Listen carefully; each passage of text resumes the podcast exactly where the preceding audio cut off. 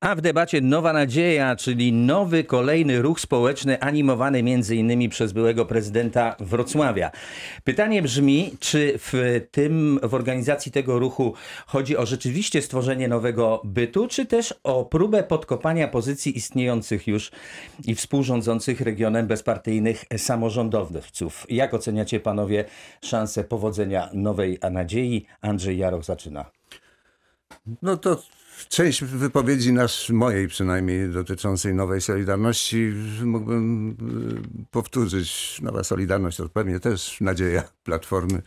Tutaj organizacja o nazwie Nowa Nadzieja, rzeczywiście wcześniej zare- zarejestrowana, y, ma spełniać. Tak właśnie myśląc o pewnej historii, no, y, chce się użyć tego o święta naiwności, prawda? To jest y, po raz któryś w gruncie rzeczy y, każdy taki drobny sukces, a takim może nawet nie drobnym, bo dla Dolnoślązaków to się okaże prawdopodobnie bardzo owocne w, w, rezultacie. Powstanie ugrupowania bezpartyjnych samorządowców pewnie w dużym stopniu zachęciło do takich działań. Być może y, zresztą pan prezydent Dudkiewicz, o ile pamiętam, był e, jednym z założycieli tam e, w, na początkowym etapie Tak. e, działalności bezpartyjnych samorządowców, więc nie wiem, może jest jakiś element też tutaj pewnej nauczki, którą chciałby ruch Nowa Nadzieja. Jest pewnego rodzaju napięcie, w każdym razie obserwuję, więc, ale to chyba nie jest istota tego wszystkiego. Istota jest ta sama. Jest taki, prawda, jak nazwałem to fatamorganą polityczną, taki mityczny, mityczny wyborca o nazwie miliony, prawda, 10 milionów.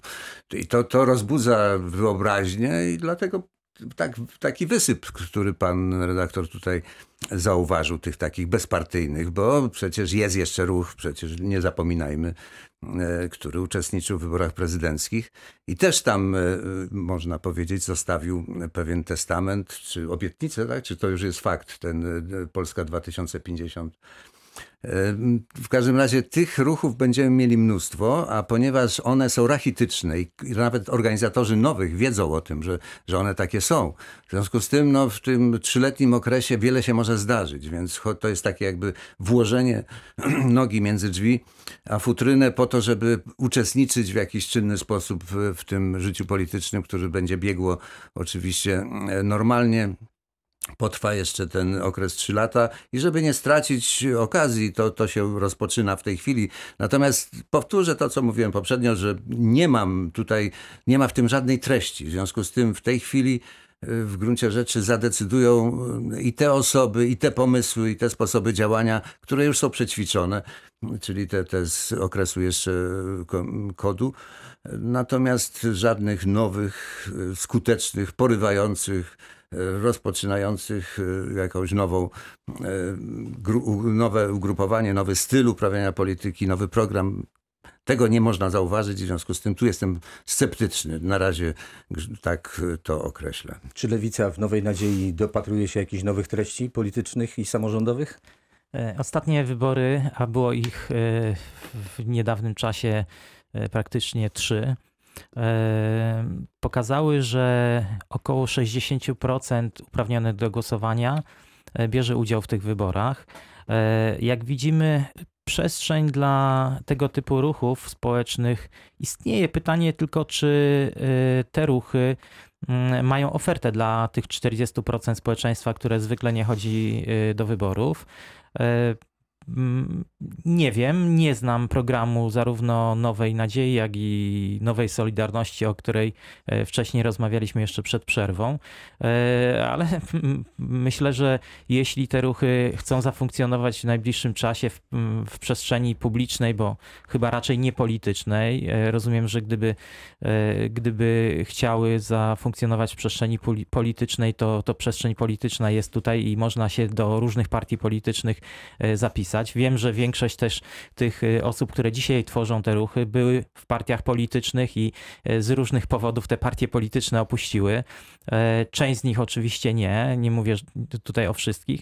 Natomiast jeśli będą chciały zafunkcjonować w przestrzeni publicznej, to muszą przedstawić ofertę. Ofertę, która będzie nie tylko atrakcyjna, ale przede wszystkim wiarygodna. E, I na czele tych ruchów e, powinny stać osoby wiarygodne, czy e, te osoby, które dzisiaj e, firmują zarówno e, nową Solidarność, jak i nową e, Nadzieję. nadzieję e, są osobami wiarygodnymi. Nie wiem, to pewnie ocenią wyborcy. Jeśli faktycznie przez te trzy najbliższe lata te ruchy będą się rozwijały i do wyborów parlamentarnych czy samorządowych dotrwają. Czy zdaniem PSL-u Rafał Dudkiewicz może być nową nadzieją dla kogokolwiek? Czy ja zawsze z dużym szacunkiem odnoszę się do inicjatyw, które organizują czy rozpoczynają samorządowcy z dużym doświadczeniem, z dużym stażem, z gigantyczną wiedzą, E, bo myślę, że w naszym życiu publicznym i politycznym e, brakuje tych e, ideałów, brakuje tego doświadczenia samorządowego, takiego, które po zakończeniu swojej czynnej kariery zawodowej jest mogło być wykorzystane chociażby dla dobra, e, w naszym przypadku myślę Dolnoślązaków, ale też e, mieszkańców e, pozostałej części kraju. I tutaj tak naprawdę w przypadku pana Rafała Dudkiewicza no, czekamy, co się wydarzy dalej. Zobaczymy. Czas na pewno pokaże i zweryfikuje te zapowiedzi, które są już za nami. Z drugiej strony, no ja jestem akurat zwolennikiem no, tego bardziej systemowego funkcjonowania w polityce i zawsze stawiam za przykład, e, porównuję partie polityczne chociażby do działalności gospodarczych i która jest bardziej wiarygodna, która jest bardziej, e, o tej wiarygodności mówił też mój przedmówca, która jest bardziej wiarygodna, bardziej rzetelna, ta, która funkcjonuje na rynku politycznym kilka miesięcy, kilka lat, czy ta, która funkcjonuje tak jak Polskie Stronnictwo Ludowe, chociażby 125 lat, bo w tym roku w lipcu mieliśmy e, rocznicę. Czyli wolałbym, żeby jednak te e, partie polityczne, no bo tak mamy scenę e, polityczną e, ustawowo skonstruowaną, że w, e, w polityce funkcjonują partie polityczne. Łatwo jest założyć stowarzyszenie e, czy jakąś inną formułę, fundację i funkcjonować na chwilę, później ewentualnie zmienić nazwę, zmienić szyld i pokazać coś nowego czy coś świeżego, niż chociażby funkcjonować kilkadziesiąt, czy tak jak w naszym przypadku, sto kilkadziesiąt lat. I tak naprawdę, jeżeli jest coś złego, to do tej e, złych rzeczy przyznać się, wyciągnąć wnioski i tak naprawdę zmieniać ten podmiot, w którym się funkcjonuje. Dlatego ja osobiście jestem zwolennikiem tego, żeby jednak scena polityczna była bardziej stabilna, mniej było tych takich e, nowych wyprysków, które są na chwilę, w których to, co też zostało zauważone, pojawiają się ludzie, którzy już ten swój dorobek w polityce w różnych e, formacjach mają i to spory, ale żeby jednak konsekwentnie się trzymać tej, tych wartości, tych idei, mieć też program, który się, z którego się jest w stanie rozliczyć, czy ewentualnie, który jest się w stanie zaproponować mieszkańcom e, w tym przypadku, myślę chyba całego, e, całego kraju. Także to jest moim zdaniem ważniejsze, aniżeli takie e, zapowiedzi nowych tworów, które próbują zrobić takim, takie szybkie show. No ale być może to jest ten wysyp tych rozmaitych stowarzyszeń, które wprawdzie wprost nie mówią o swoich ambicjach politycznych, ale te ambicje polityczne tych ruchów czytamy bardzo dobrze, no, stanowi jak gdyby taki wyraz tego, że właśnie e, partiom politycznym brakuje tej wiarygodności, w związku z tym rozmaici spin doktorzy dochodzą do wniosku, jednej.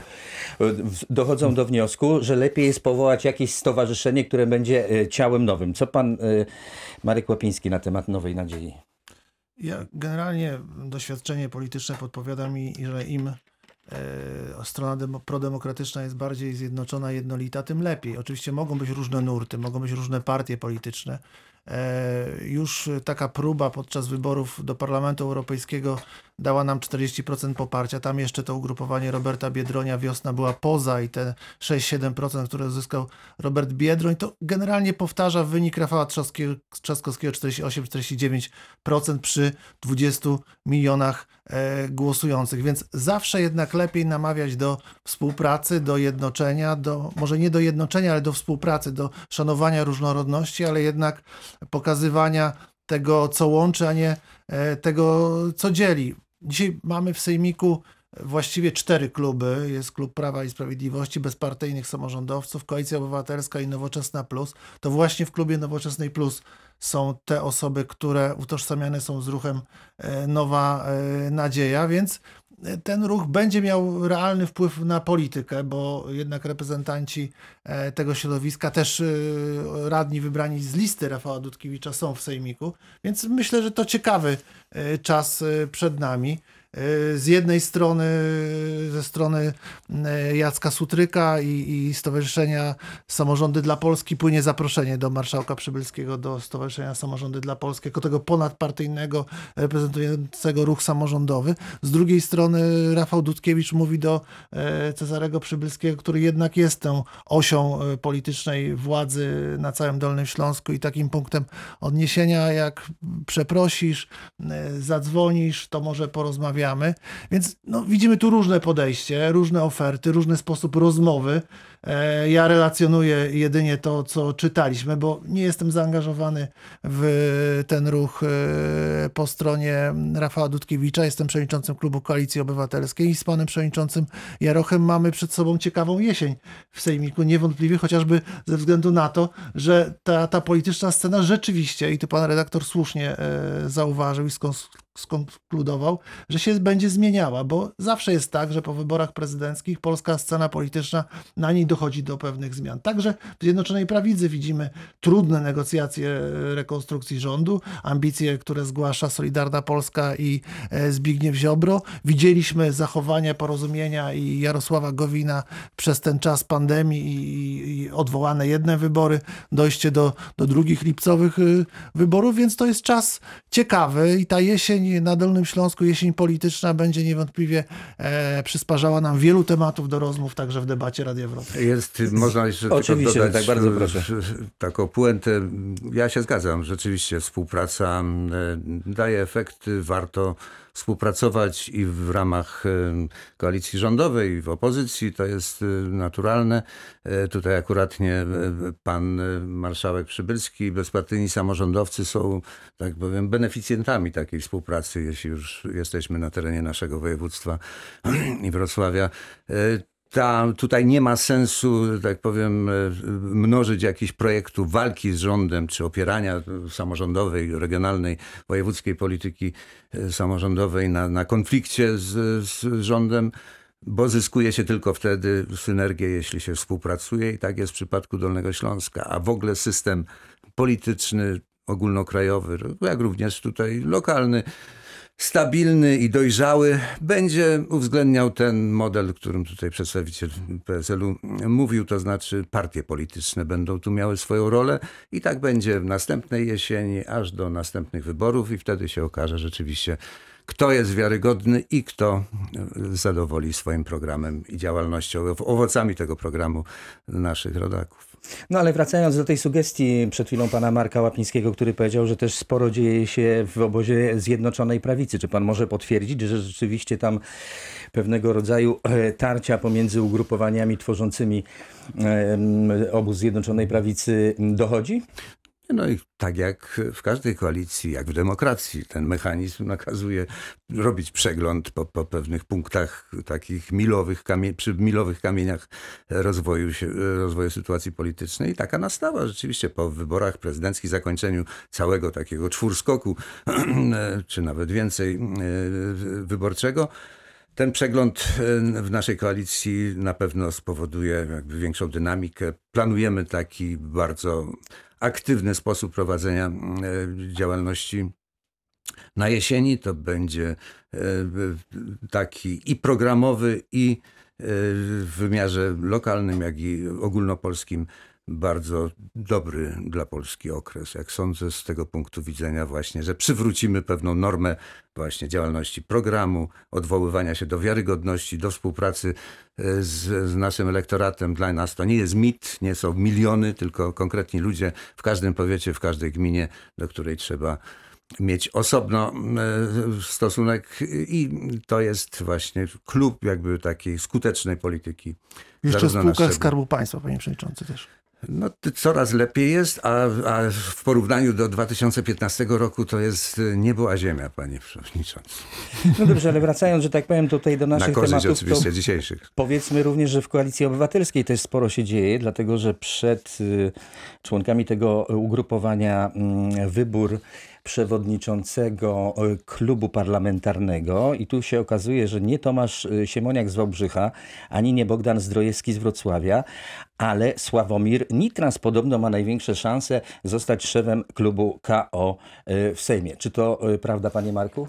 Nie jestem członkiem klubu parlamentarnego, tylko klubu sejmikowego, więc trudno mi się wypowiadać na temat relacji, rozmów, dochodzenia do y, No ale tak konsensusu w sprawie Konfidencjonalnie pomiędzy kolegami i koleżankami z partii jakieś tam uwagi na pewno wy- wymieniacie państwo. Jest, y, Czy Sławomir Nitras byłby dobrym szefem klubu, jest, pańskim zdaniem? jest niewątpliwie jednym z kandydatów y, do tego, by zostać szefem klubu parlamentarnego. Jeżeli potwierdzi tę chęć kandydowania, sprawdził się w czasie kampanii prezydenckiej Rafała Trzaskowskiego, ale są także inne osoby, które zgłaszają chęć kandydowania. Wspomniany Tomasz Siemoniak, y, pani poseł Izabela e, Leszczyna, y, także poprzedni szef klubu parlamentarnego, pan Sławomir Neumann mówi o chęci e, kandydowania. To naturalne, że jeżeli e, jest zapowiedź rezygnacji z funkcji przewodniczącego klubu parlamentarnego przez pana e, przewodniczącego Borysa Budkę, który e, w styczniu został wybrany na szefa partii. On zaraz po tym wyborze